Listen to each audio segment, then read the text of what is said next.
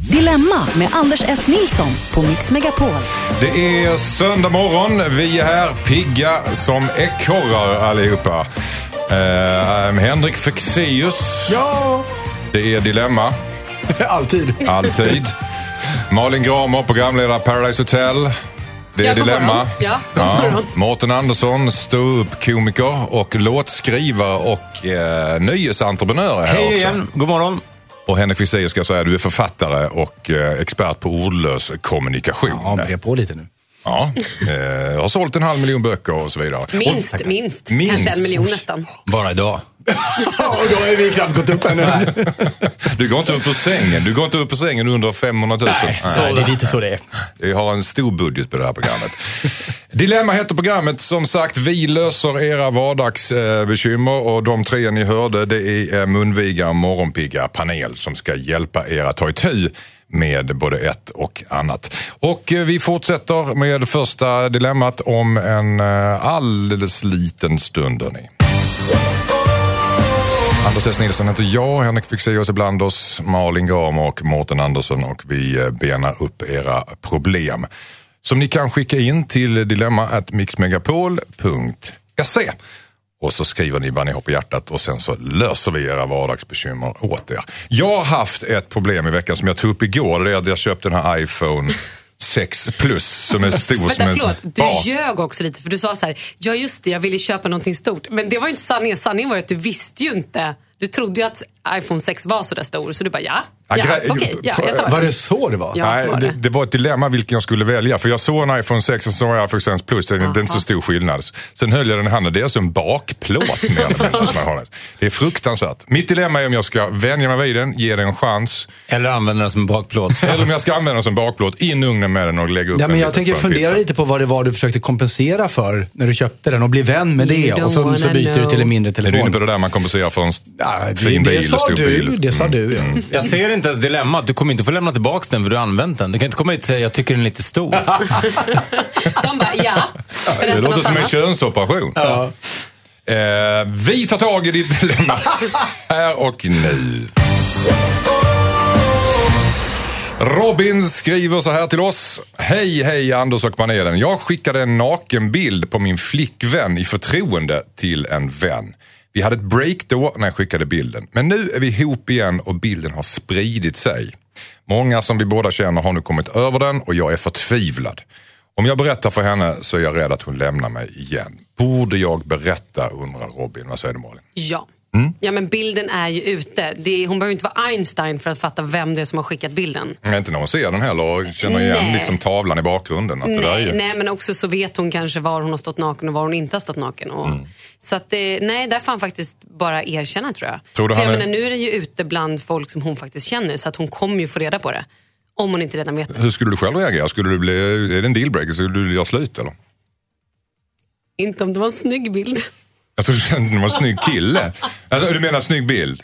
Nej, jag vet. Vad säger du? Hen- Henrik, vad säger Nej, men jag du? men tänker på- alltså, jag hade blivit fly förbannad såklart. Men det kan ju också tystas ner och han kan komma undan med det. Men, men jag funderar lite på incitamentet till varför skicka bilden. För att när han skickade den Mm. så var det slut mellan dem. Så, han så frågan är, skickade han den som någon hämndaktion? Jag tänker på ditt svar där Malin. Om, om någon skickade en, om ditt ex skickade en nakenbild på dig när det var slut mellan er till sin kompis. Du, då Det skulle där han få jag- fan. Och ja, då skulle jag och så blir ni tillsammans honom. igen. Är det någon och så av får du veta, jag känner att det där, oj oj oj, gör slut med killen. Ja, verkligen. Ja, det, det känns så- väldigt så omoget. Ja, du, Mårten, Mårten, vad tycker ja, Ja, det var min första reaktion också. Vilket, vilket svin och vilken idiot. Mm. Men han är ju djupt ångerfull. Och ehm, om han säger det på det sättet till henne kanske, nu blir jag väldigt seriös här, men om Mm. att han säger det. Jag gjorde en idiotisk grej när vi var ihop för jag var arg på dig. Eh, och jag ångrar mig så himla mycket. Eh, Vad gjorde du då? Ja, eh, jo, jag, jag la ut en grej på internet. ah, inget speciellt, men det var en nakenbild. Men det är ännu värre. Det är så här, jag gjorde en grej när jag var arg på dig när vi inte ens var ihop. Nej, stopp, jag Det har det. som- Okej, det kan ju också vara så att han säger så här, ja, jag har gjort en skitdum sak, jag skäms jättemycket, men eh, så här var det, jag skickade en bild på dig till Hasse. Mm. För att jag tycker att du är så jävla snygg. Jag vill, se att han vill, jag vill visa honom också hur jävla snygg du är. Och sen skyller man på Hasse att det är han som har spritt den vidare. Då. Eller så säger han så här, så för att kompensera dig så har jag tagit en nakenbild på mig som du får skicka ut till vem du vill. Som Jag var, precis, jag var precis inne på den linjen. Bra! Kan han tänka sig, han, han erbjuder sig det helt Ja. enkelt. Ta en bild, skicka ut den till dina Ja. polare. Men får jag säga en sak till alla där ute? Sluta skicka nakenbilder på er själva om ni inte vill att de ska hamna någonstans där ute. För de gör det förr eller senare. Sluta ta nakenbilder kan man tänka sig. Sluta ta nakenbilder. Så nu. Men då kan du få vara med i Paradise Hotel eventuellt. ja, precis. Hur gör ni er casting annars? Om Då inte ber vi dem att skicka nakenbilder såklart. Är det någon här inne av er som har gjort detta någon gång? Skickat en nakenbild till Nej, inte, Malin? skickat en nakenbild utan bara visat upp för en kompis en bild som ni har tagit på er partner och sagt kolla här. Aldrig. Tycker du om det? Aldrig? Det har... Åh gud, jag har gjort Du har det! gjort det Malin! shit! If, herregud, du sitter precis i samma sits alltså. Så Nej, du är, du är den här fast killen. vänta stopp. Till mitt försvar Mhm. så var min kille med på det. Och jag har blurrat och han skickar lite rolig hälsning. Okej. Nej, nej, nej, det håller inte Malin. Du, du är ju röd så att du håller på att brinna Jag är upp. Alltså. jättegenerad. Det känns som vi måste prata mer om det här efter uh, Stay High, Tove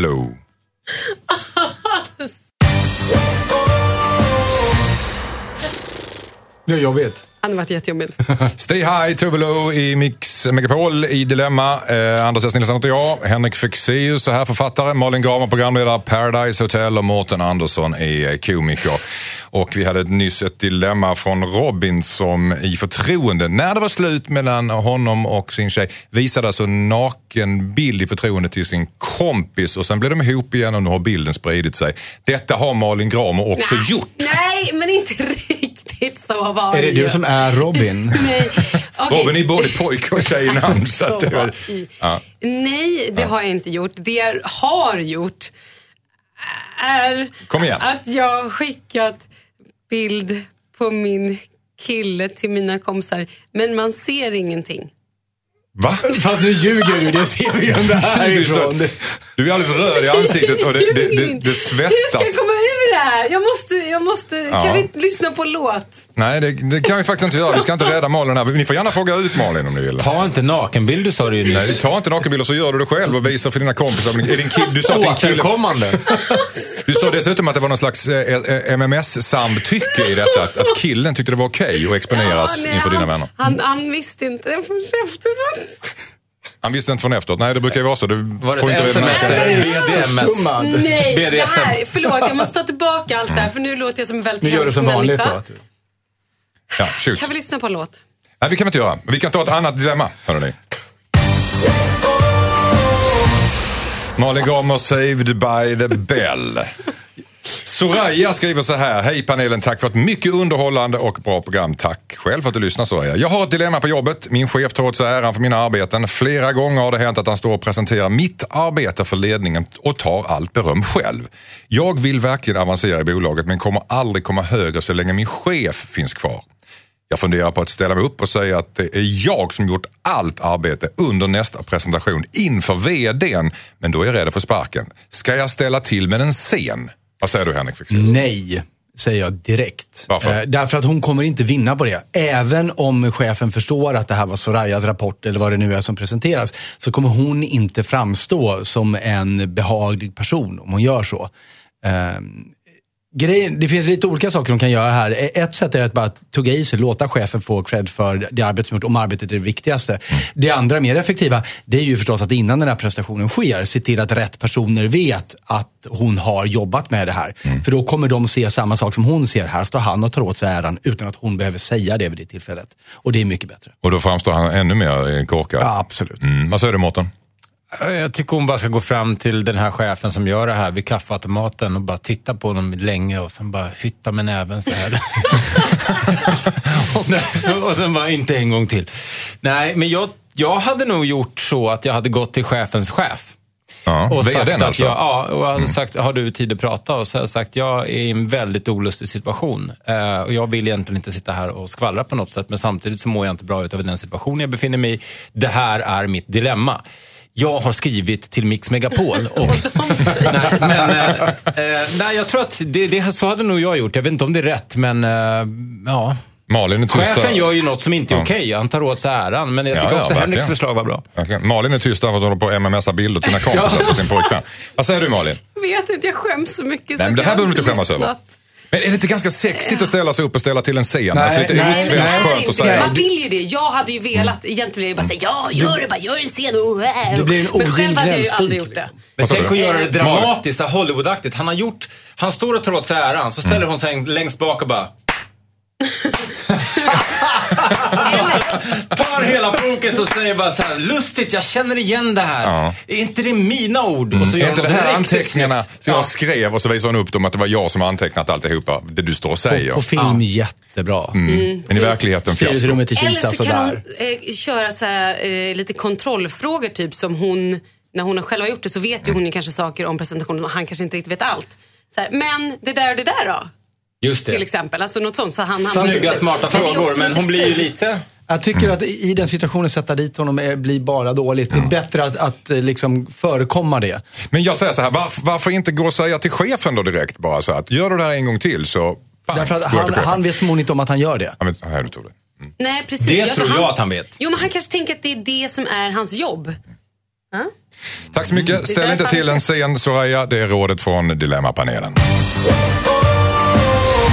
Hej, jag heter Jossan. Jag går till en psykolog. Efter många år av letande har jag äntligen hittat en som jag är fäst vid och som jag gör framsteg med.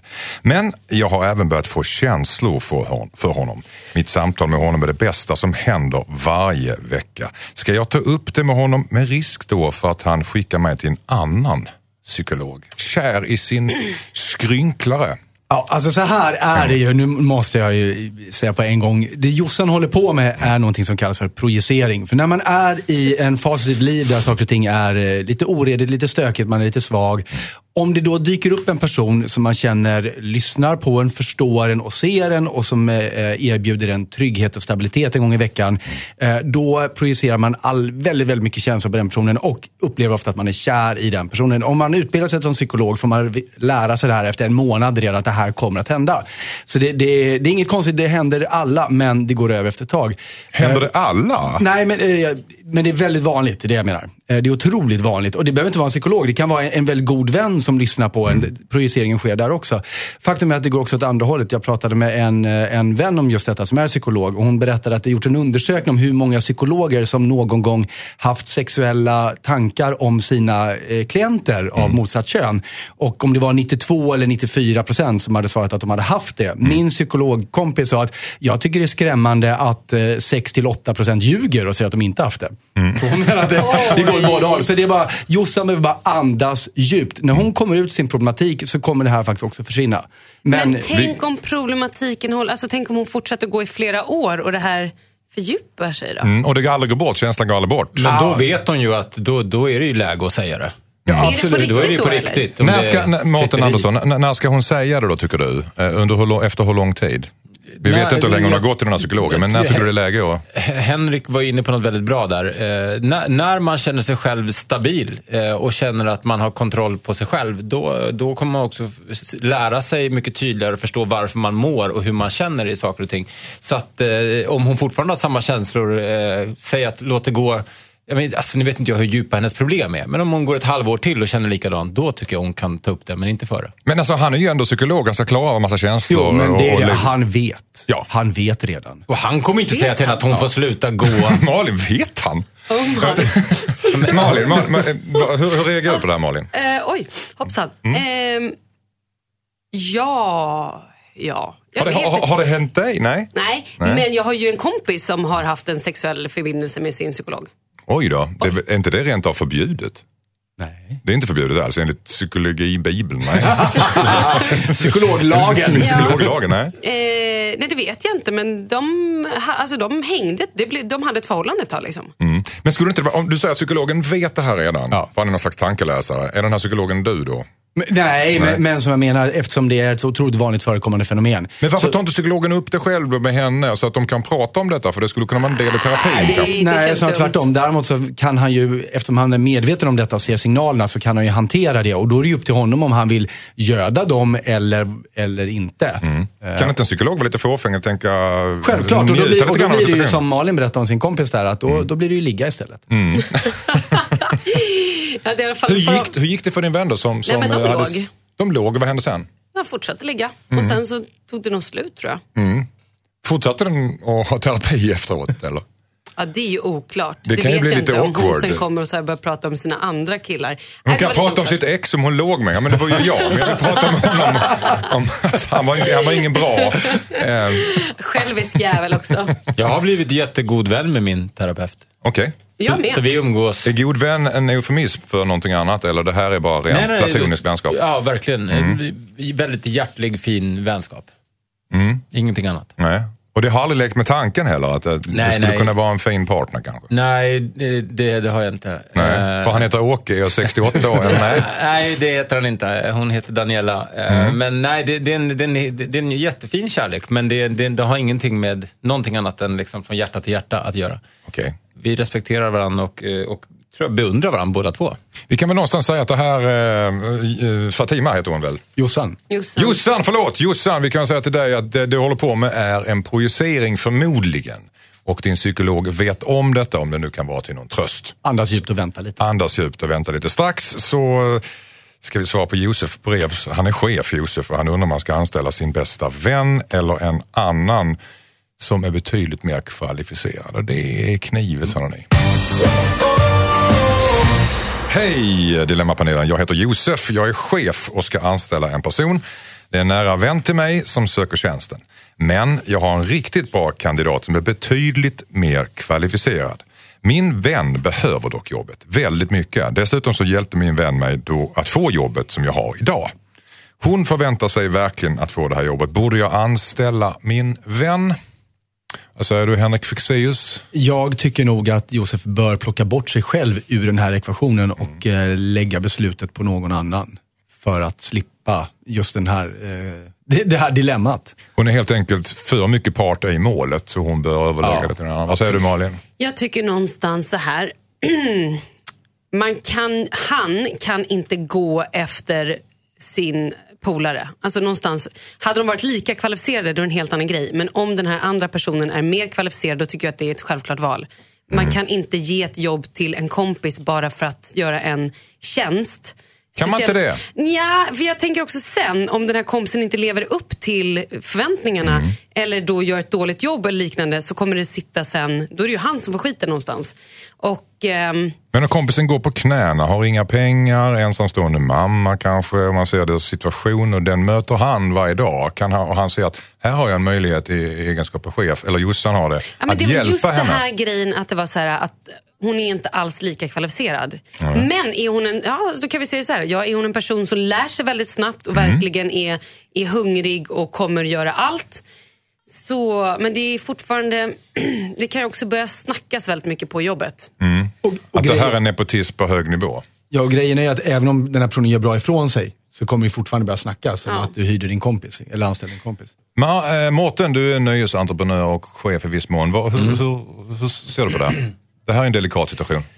Jättesvår situation såklart, för att man vill ju hjälpa en vän i nöd, men eh, risken är att man hamnar i, i, i problem själv Mm. eh, här. Min erfarenhet är att det inte alls är bra att jobba med vänner. Därför att om man inte har exakt lika, eh, vad säger man, står lika högt upp på stegen, eh, sådär. Ja, Eh, i stegen pratar de om. Eh, Nej, jag pratar mer så här hierarkiskt. Att om, om, om man har, jag menar, som, om du och jag är vänner, Anders, och vi spelar badminton och massa annat, så eh, förhoppningsvis respekterar vi varandra lika mycket. Vi är lika mycket värda. Eh, Tills jag så- slår dig med 21-6. Precis, då, då är inte du värd någonting i mina ögon längre, för då är jag så arg. Eh, nej, men då är, då är vi på samma nivå. Men om jag sen börjar jobba för dig och du blir min chef, så kommer du ge mig order. Du kommer säga saker. Ibland kanske du säger, ja, jag vill ha det här gjort. Och så delar jag inte din uppfattning, men du är min chef, jag får göra det. Den, den situationen blir, blir inte bra. Det kan Så äventyra vänskapen helt det, enkelt. Mm. Det, det, jättemycket. Vem är du kommer att tala om för mig vad jag ska göra? Vi är ju Ja. polare. När vi, vi träffas efter man- jobbet och då är vi likvärdiga. Nu är vi helt Och i plötsligt... början kan man linda in det lite grann i, i bomull sådär, men till slut så går det inte det. Du är stressad och du kanske går dåligt för företaget och då blir du, kan du bli rätt bekantig. Så att eh, mot bakgrund av det kanske man till och med kan säga att, vet du vad, att av alla jag har pratat med som, som har anställt vänner så säger alla bara gör det inte, gör det inte, gör det inte. Och utifrån det så har jag valt att Ta, precis som Henrik säger, ta mina händer ifrån det här. Så någon annan kommer göra eh, processen. Jag kommer lägga ett gott ord för dig, men det är inte jag som har final say. Malin Gramer, vad säger du? Aj, gud vad bra sagt Mårten. Mm. Ja, det var fruktansvärt bra sagt. Tack så mycket. Ja, nej, jag, jag håller med. Du recenserar Ja, Mårten. först så tänkte jag ju säga så här. Det kan också vara en bra idé att jobba med någon som man verkligen känner beroende på vad det är för jobb. Men det är ju inte alla jobb som, som man kanske behöver ha en sån superbra relation. Men nu tyckte jag att Mårten sa så bra så jag säger jag håller med Mårten. Okej, anställ inte din vän, ta den som är mest kvalificerad. Det kan bli eh, bökigt annars, tycker panelen. Strax ska vi prata om Martin som dejtar två av sina kollegor. Nu börjar det bli riktigt rörigt. Hej panelen, jag dejtar två kvinnor på mitt jobb. Jag är intresserad. Reaktion. Jag är intresserad av båda och ingen av oss är ihop så jag är inte otrogen. Men ingen av dem vet om den andra. Ingen av dem vet det? om den andra. Problemet är att jag blir väldigt obekväm när vi umgås alla tre. Problemet är att vi Kan bara jag- tre på företaget. Nu tar vi det här på allvar. Kan jag fortsätta dejta båda? Undrar Martin. Lyxproblem Henrik. Ja, alltså friskt vågat tycker jag. Ja. På, på, på ar- båda på arbetet. Vad, vad har han liksom, bor han någonstans där det inte finns människor överhuvudtaget förutom på hans kontor? Eller vad, Det är jag- kanske ett jätteföretag eh, och han har Ja. fallit för två kvinnor Ja, samtidigt. fast uppenbarligen, de verkar ju vara på samma avdelning eller någonting och han säger att de umgås alla tre. Det, Mm. det känns ju... Nej, jag tycker han verkar måla in ett hörn helt i onödan. Jag ser inte problemet alls här. Hade det varit en bonde hade vi inte ens reagerat. Nej. Va, va? De, de dejtar ju sju samtidigt och ingen tycker det är konstigt. Nej, det har du alldeles rätt i. Eh, jag, eh, ja, men jag har massor att säga men vi kan väl ta en låt först. Tackar vi för. Dilemmat och programmet. Anders S. Nilsson heter jag, Henrik Fexeus är här, Malin Gram och Morten Andersson. Vi pratade just om en person som heter Martin som dejtade två tjejer samtidigt på jobbet och nu undrar han om de börjar känna av det där på något sätt. Eller han undrar vad han ska göra. Ska han fortsätta dejta bägge två? Malin, vad tycker du? Ja, det kan han väl göra. Men han måste ju också förstå att konsekvenserna kan bli liksom käftsmäll. Eh, och Är han, eh, varför det? jag Ja, men Alltså, alltså, de har dels inte, mm. kan ju tjejerna gå ihop sig och bli skitsura och så få reda på att han dejtar båda. Mm. Och då kanske han förlorar båda. Eller så, ja, men det, o, så, oavsett så kommer det bli knas. Det är vad jag tror. Men han kan ju, så, alltså, så, här, så länge han bara dejtar dem och inte går in i någon form av liksom Alltså det är när man börjar stoppa in saker, då blir det lite jobbigare. Mm, precis, och det handlar ju också om, om kanske är så att en av de här tjejerna kanske, det kanske finns någon slags förtjusning hos någon. Ja, och så vidare. båda tjejerna, Känsla. i värsta fall kan ju båda tjejerna vara jätte, jättekära i honom och tro någonstans att de kommer ha en fortsättning ihop. Och att Men det de- kanske är seriöst. de, dejtande är ju lite så här invänning ändå. Att känna, känna, på, känna efter om hur det känns med en person. Och det kan man ju få göra med två. Eh, nu råkar det bara slumpa så att de är på samma kontor. Så att han och undvika. känner varann. Det är Ja, det. Om de hänger liksom alla tre ibland. I Men det ska de inte göra. Det, det ska de ju sluta med. Så inte den ena tjejen helt plötsligt får feeling och lägger handen på henne. För då är han ju rökt. Ja, men tänk om de sitter i samma möte och, och där sitter den ena tjejen och där sitter den andra tjejen och så sitter den andra och glimtar, typ menar eh, ses vi ikväll eller? Eh, ja, kanske det. Och så tittar han åt höger och så sitter hon där, ses vi ikväll eller? Men så här kanske då, det. kan Och blir- inte göra så här? Men han kör dejtstopp. Det kan ju vara en bra grej. Han dejtar ingen av dem istället. Och så får han känna efter vem det är han saknar. Aha. Dejtstopp. Eh, Dejtstopp. Han dejtar alltså ingen av dem. Det hade varit mer, mindre komplicerat om de bara hade varit, haft sex tillsammans, helt otvunget. Och bara gjort upp Alla det. tre. Till skillnad från nu där det är tvunget. Mm, Nej, men att de inte hade, nu är det ändå dejt som du säger, det är någon slags relation, ett förstadiet till någon slags relation där känslor Ja. kan utvecklas. Men eh, om det bara hade varit sex hade det varit mer okej kanske. Ja, Att fast om man då hade dejtat den ena och bara haft sex med den andra. Det hade ju inte heller varit speciellt snyggt. Men är han skyldig att säga det till någon? Nej, det är han ju inte. Men han måste också inse att det kan bli, det kan bli rörigt. Liksom. Han har försatt sig själv i skiten. Ja, lite. Jag tror att precis som Mårten säger, att han får nog tänka efter. Vem vill han egentligen mest träffa? Sen funderar jag på, han, kan- det kanske också är att han dejtar fler personer, men som bara inte befinner sig på arbetsplatsen. Det är ju sant. mycket, mycket möjligt. Sen tycker jag så här, om det går upp på en hångelnivå så tycker jag fortfarande det är okej. Men om man börjar så här sova ihop och då har man ju gått in på liksom nästa nivå av dejtande och då bör, man, bör man avsluta Ja, precis. den Om som man- man inte sover med. Om man vaknar upp på morgonen och sen åker till jobbet tillsammans. Ja, just I varandras kläder. Ja, precis. Och träffar då den här... Samma träningsområdeskläder. Då, då är det läge att avsluta den här relationen. Hörde du, eh, Martin, du har målat in dig själv i ett hörn. Du får nog lösa det själv för panelen verkar inte kunna göra åt dig. Vi har ett brev här från en anonym. Eh, jag misstänker att min systers barn fejkar sjukdom. Mitt systers barn är sex år, alltid sjuk i veckorna. Men så fort det är helg eller lov så är han är hen pigg och kry. Om jag säger något till min syster är jag rädd att hon ska ta illa upp och ta det personligt. Hon, hen börjar i skolan nästa år. Jag är rädd att det här påverkar hens framtid. Borde jag säga något ändå? Ska, han lägga sig i, ska hon lägga sig i det här? Den anonyma. Jaha, jag säger du Ja, där. jag tycker systers ja. barn.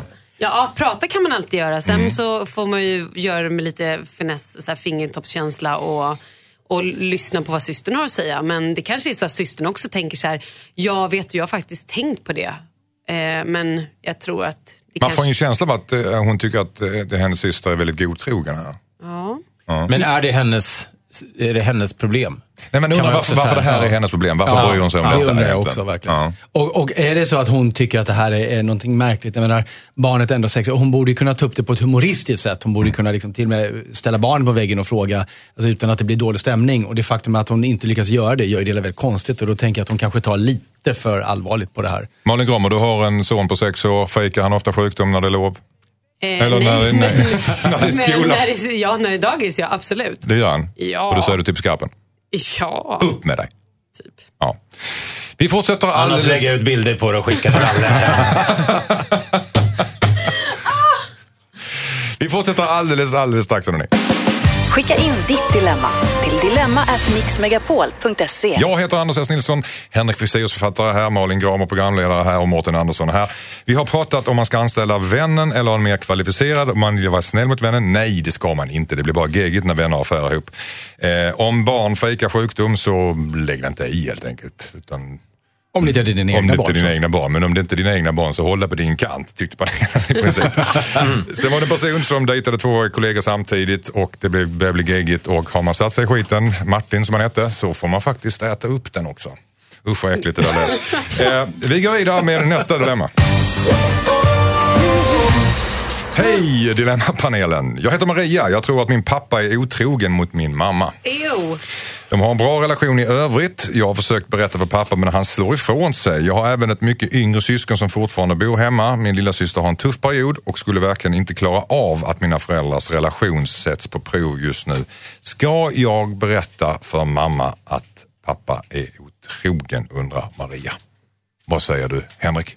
Alltså, nu kändes det som att det under frågeställningen här gick från en misstanke till ska jag berätta det? för? Hur, hur säker är de på det här? Nej, Det- står faktiskt, jag ska, jag ska korrigera mig där. Han säger, eh, eller Maria säger, jag tror att min pappa Eller är hur? Mm. Ja. eh, Man kan, ska jag berätta, om, vi, om vi börjar en annan ska jag berätta för pappa? Ska, han, ska, ska hon ta upp det för pappa? Men det Jag hade- Det tror hade att hon du- ju gjort och han slog ifrån Han sig. slog, så var det, förlåt, förlåt, jag måste läsa det igen. Han slog ifrån sig och eh, då kan man nästan tolka det som att det ligger en hund begraven där. kanske. Jo, men, men det känns som att det blir väldigt mycket tolkningar och antaganden Mm. och om och men. Och att komma med en sån grej till någon, du, jag tror att din man är otrogen. Då känner jag att det ska man verkligen ha på fötterna innan man kommer med någonting sånt. Det är hennes pappa också. Jag tror inte att du, jag Verkligen. tror att din man, utan det är ju faktiskt mamma, jag tror att pappa. Ja, till, till och med så. Mm. så det, det gör man inte utan vidare. Vad säger du Mårten? Andersson? hon får vara väldigt försiktig. Som sagt, det, om hon inte vet till 100 procent så ska hon, så ska hon, hon äventyrar ju massor. Och, även om, och även sig själv, hur de kommer se på henne och, och, och om nu hennes syster är instabil så gör hon det här så skapar hon massa oreda i familjen genom att komma med anklaganden som kanske inte ens stämmer.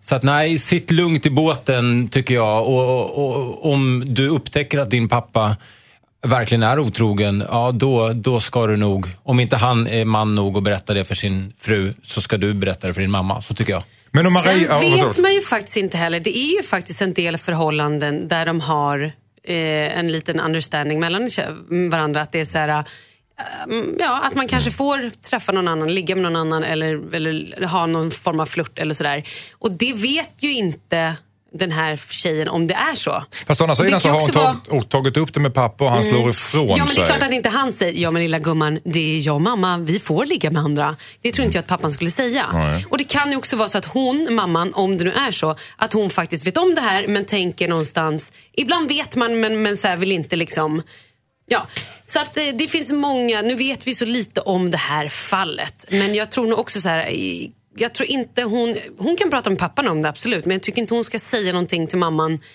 i det här läget när hon absolut inte vet. Har hon bevis kan hon definitivt säga det till pappan. Nu har jag bevis för det här, jag vet att du är otrogen. Vad är din plan? Kommer Men du om- sluta om- med det eller ska jag säga det till mamma? Om vi bortser från parametern att, att de har kanske en understanding utan Mm. att det här är ett klassiskt eh, förhållande statistiskt sett så att säga.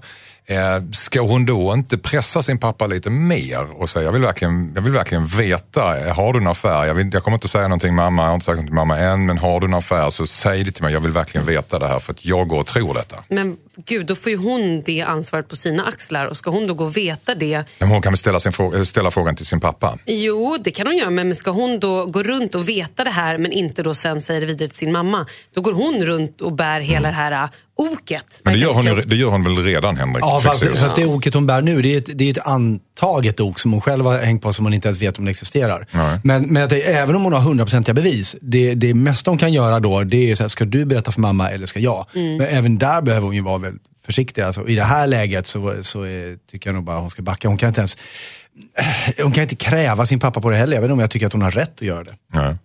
Ta inte upp det. Svårt. Ja, ta inte upp det med mamma, absolut inte. Är ni överens om det? Ja. Och ta inte upp det med pappa heller faktiskt. Inte förrän du vet mer. Inte förrän du vet mer. Ska, han, ska hon stalka honom eller? Ja, det tycker jag är bra. Malin har en jättebra kamera vet jag, så man kan... Som vi kan filma med. Ja. Och sen, så, sen vet ju hela, vet hela i alla fall världen det. Malins bekantskapskrets Ja bekantskapskrets om detta. Fler dilemma om en liten stund i Mix Megapol. Och programmet heter just Dilemma. Hej, jag heter Clemens. Jag kan ha gett min flickvän en könssjukdom.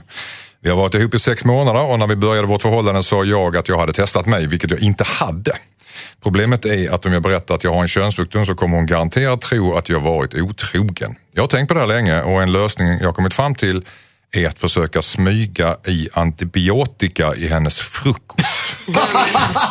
Herregud, borde jag, borde jag försöka göra det eh, undrar Clemens. Ska han hälla eh, Kovopenin eller vad det är i hennes frukost? Ja, det ska han göra. Case closed. nej, det ska han inte göra. Det är klart han inte kan göra det. Eh, nej, jag tror att... Eh, bara, alltså, jag kommer tillbaka till det här. Jag känner mig nästan lite så här, pretentiös, tråkig. Men, men ärlighet är oftast bäst. Ja. Och bara säga så här, jag, Jag, har ljög- lagt antibiotika i din frukost. Exakt! Ja, efteråt. Vi fortsätter att prata om detta alldeles, alldeles strax. Jag har precis läst upp ett eh, brev från Clemens som säger att han kan ha gett sin flickvän en könssjukdom. Han vet inte. Och nu undrar han om han eh, borde försöka smyga in antibiotika i hennes frukost. Och då sa Mårten, var ärlig. Ja, alltså det är väl hänt. Alltså, så länge det inte är liksom HIV eller något sånt så, så är det väl inte så farligt. Det går väl att ta penicillin för det mesta. Och det bara säga, jag vill inte börja med att säga till dig att jag eventuellt hade en könssjukdom så att jag, jag, jag ljög faktiskt. Förlåt, nu, jag, har, jag har verkligen inte varit otrogen. Eh, Jag, Men, om, det- om det nu är så att, att han inte varit otrogen så säger du att det kanske är han som har...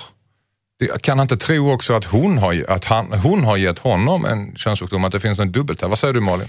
Nu måste vi säga så här. Först och främst måste han ju gå och testa sig. Mm. Om han har något. Han kan ju inte bara sitta och gissa. För det andra är det faktiskt så, om han ger henne till exempel klamydia Mm. kan ju det vandra upp i livmodern och i, i stockarna och hela alltet och hon kan bli steril. Vilket är ganska så illa. Mm. Så någonstans så måste han ju ta sitt ansvar och först och främst gå och testa dig och har någonting då får han ju bara ta tjuren med hornen och bara jag är skitledsen men jag ljög. Jag är aslat. Jag hade inte varit och testat mig. Och jag tyvärr, nu har vi någonting. Och, eh, Det är inte säkert att hon har någonting. Nej men grejen är, hon hade ju frågat honom innan. Har du testat dig innan? Alltså, Mm. Och då antar jag att hon har testat sig. Jag kan För också upplysa om att eh, männen kan också bli sterila om man går med klamydia sak. eller Då, då, ja, och då är det verkligen måste de ju gå och testa sig. Vad säger du Henrik? Nej, men jag, jag tänker på, det, det låter ju som att, att eh, jag förutsätter att han inte bara sitter och tror, oj, jag har kanske lite könssjukdom här. Han, det låter som att han kanske har testat sig nu eh, i efterhand och upptäckt, oj, jag har någonting, men vet inte om man har fört över det. För det första är väl antibiotika receptbelagt, vad jag vet. Jag förstår inte ens hur han ska få tag på det till henne. Och sen om det är... Jag känner en kille som... Ja, men om med klamydia är det väl så att då har du ju faktiskt eh, rapporteringsskyldighet om du tror att du har fört det vidare. Är det inte så? Att du måste faktiskt. Så då har man ju ingen val. Smittskyddslagen. Eh, ja, så heter det. Eh, Så att jag, jag är ju på Mårten där, men det är ingen jätte... Han säger att han är övertygad om att hon kommer, eller han vet att hon kommer tro att han har varit otrogen. Men, men vi tror så jävla ofta att vi vet exakt hur folk kommer reagera och det är inte alltid sant. liksom. Så det är, det är bara att ta tjuvhornen och säga, jag, jag Men i stundens, till- ja. i stundens hetta så var det så härligt och jag, jag pallade inte ha kondom. Och jag, jag, jag trodde att jag var lugn, men jag, det har visat sig att det var jag inte. Jag hade, hade något. Ja, det är inte det värsta man kan liksom Och behöva. nu är det som det är, nu ska jag kolla på Tips Extra. Kan man inte tänka sig också att han tror att, leker med tanken att, kan jag ha fått det av henne då? Ja, men Har då hon jag som varit otrogen? hon, hon borde väl ha testat sig det, eftersom han skulle göra det. Så. Ja, det är taskigt, han får, det, det, om, om man inte tror att det verkligen är så. Men, men det, är, det är oerhört fegt att dra in henne i det här på något sätt. Ja, det står ju faktiskt i brevet, det står ingenting om att han inte har varit otrogen heller. Det framgår inte. Nej, det stod ju att nu kommer hon ju tro att jag har Hon varit kunde nog tro att jag har varit otrogen. Så då, då borde han ju sagt så här, shit jag har varit otrogen om han nu hade varit det. Mm. Så jag tror att han kanske i alla fall har ryggen fri där. Men, Men du tror inte en sekund att han leker med tanken på att kan jag fått av henne, har hon varit otrogen? Ni tror inte en sekund på att han kan leka med den tanken efter sex månader om han nu inte har varit otrogen med henne under sex månader? nej, men om han vet med sig att han inte har testat sig. Mm. Så Det kan ju vara så här att han innan de här sex månaderna hade sex med någon som han nu har fått veta har någonting. Mm. Och därför misstänker oj då kanske jag har och då kanske hon har. Det blir många kanske i det här. För så är det ju, det tar ett, ett års eh, rapport, eh, vad heter det, efter, för klamydia kan man ju få ett år efter eller något sånt där. Och då kan det komma brev som, fast man har testat sig och är ren, så kommer det ändå ett brev där det står att man kan åka på smitta. Så att, Hur vet du det? jag, jag, jag, vet- jag, jag, jag är med 40 år gammal och har varit singel i 39. så att, eh, ja. du har fått några brev Jag helt har enkelt. fått, Visst har han en hel hög hemma, har de en varje gång det kom brev från brevbäraren fick han klump i magen. Nej, riktigt så var det inte. Men jag, jo, men jag har haft, så att det där vet jag. Det kan komma ett år efter. Och nu var ju frågeställningen om man ska baka in antibiotika i sin frus absolut inte. frukost. Det, det, det, det jag kan vi säga nej till. en snubbe, nu vet jag inte om det här är skröna, men jag har ju hört en snubbe som fick ut antibiotika och malde ner i smoothies och så här, stod och smuttade på smoothies på morgonen och så kom tjejen och så fick han henne liksom och så här tycka, åh gud vad gott, jag vill också ha smoothies. Han bara, okej då. Och så här, körde han penicillin i det. Jag vet Eller- inte om det är skröna. Vilka sjukt Jag läste en artikel, jag läste en artikel om, om, om det här också som är ännu värre som jag ska ta om en liten Oh stund. god. Skicka in ditt dilemma. Dilemma at mixmegapol.se. Thinking Out Loud Ed Sheeran i Mix Megapol i Dilemma. Där vi eh, pratade om en man som tror att han kan ha gett sin flickvän en könssjukdom för han har en könssjukdom och om man skulle baka in antibiotika i hennes frukost och det var vi överens om att det var ganska dumt. Jag har dock läst en artikel för ganska länge sedan eh, om ett par i Colombia var exakt samma sak. Mannen eh, var rädd att han hade smittat sin fru med könssjukdom, bakar in 40 Nej. tabletter penicillin i en potatisgratäng och bjuder henne på detta. Hon äter och får någon slags allergisk reaktion och ramlar in. Har precis förlovat sig också. Eh, kommer in till sjukhuset, vaknar upp efter någon slags koma och ha- eh, är drabbad av retrograd amnesi. Vet ni vad det är? Nej, men vad- Nej. Där man minns en partiell minnesförlust helt enkelt. Där man inte minns. Hon, hon hade glömt att de hade förlovat sig. Och då är det intressant vad han skulle gjort i det läget. Det var inte så intressant för er att ta tag i det kändes som. Ah, det, jag bara Oj. behövde få in allt det här Ja, jag i huvudet, kände jag. Eh, Men lite så här kosmisk karma känns det ju som där. Han, hon kanske till och med hon hade glömt vem han var. Så hon hade han kanske kommit undan på ett billigt Ja, det, var, sätt. det var det jag trodde du Nej, men- menade. Ja, Att, ja. Ja, detta var en artikel i Men DN men vadå, faktiskt vad för länge, länge då? sedan. Ja, det framgick inte. Oj. Det var det att han på något sätt så var han åtalad för någonting för att hon hade blivit övertygad om någonting och sen så var det, gick det åtal och därför skrev tidningarna om det. Oj. Men det här är länge, länge sedan. En ny definition av dåligt samvete där. Ja, verkligen. Nej, men ah, oj, oj, oj. Ja, då har, men då kan han ju köra en fuling och säga så här. "Åh, Du och jag är förlovade, men du har precis varit otrogen mot mig. Nej, jag Det skojar. är därför du har fått tablett antibiotika i blodet. Ja, precis. Nytt dilemma. Hej, jag heter Olle. Min tjej frågar ofta om hon ser tjock ut i de här brallorna. Faktum är att hon har gått upp i vikt och jag tycker hon ser tjock ut i de här byxorna. Eh, Men detta är känsligt. Ska jag vara ärlig, No shit Einstein. Ja, det är känsligt. Nej, Ja. du ska inte vara ärlig. säger Malin Gramer. Du ska inte säga att hon ser tjock ut i de här Nej. byxorna. Nej. Jag håller helt och hållet med. Däremot kan man ju då försöka att eh, andra delar av samvaron, eh, till exempel se över deras kost eller hur de Mm. rör på sig. Inte köpa chips varje fredag eller vad det nu är. Eh, o- om han nu tycker att de här tjejerna inte klär henne och hon är orolig för det. Men på den direkta frågan, Mm. då är det älskling du är jättevacker. Punkt. Och det är bara det, det ska man absolut säga. Det Älskling, du finns är jättevacker men lite tjock. Jag tycker om Tycker dig. att hålla i. Är jag tjock, ser jag tjock ut i de här byxorna? Älskling, jag tycker om dig ändå. Vad säger du Mårten? Usch. Ja, nej, man ska ju inte säga det. såklart. Var ärlig har du sagt hela tiden. Var, var sig. ärlig, var ärlig Ja, men jag är ju inte ett rättesnöre för, för resten av det här landet. Jag, jag hade nog, om hon hade sagt gång på gång så hade jag sagt, men tja älskling, om du frågar mig gång på gång om du är tjock så är det bevisligen någonting som du går och tänker på. Mm. Så då har du väl svaret själv. Du tycker bevisligen själv att du är det. det Nej, hon säger, ser jag jag tjock ut i de här byxorna? Inte är jag tjock. Det är en viss skillnad ser jag tjock ut i de här byxorna. Ja, men eh, byt byxor då. då. Ja, det kan, det kan precis, det kan man alltså säga. Jag, jag vet inte om det där är den bästa modellen på dig. Alltså, skyll, skyll på byxorna. Oh, fast vänta, jag får bara säga en sak. Du ser tjock ut man byxorna. Ja, men det, det är inte byxornas fel. Är det- Nu är jag ju kvinna. Ja. Jag har själv stått där och kanske varit lite mysmullig till exempel vid en menstruation eller efter några chipspåsar.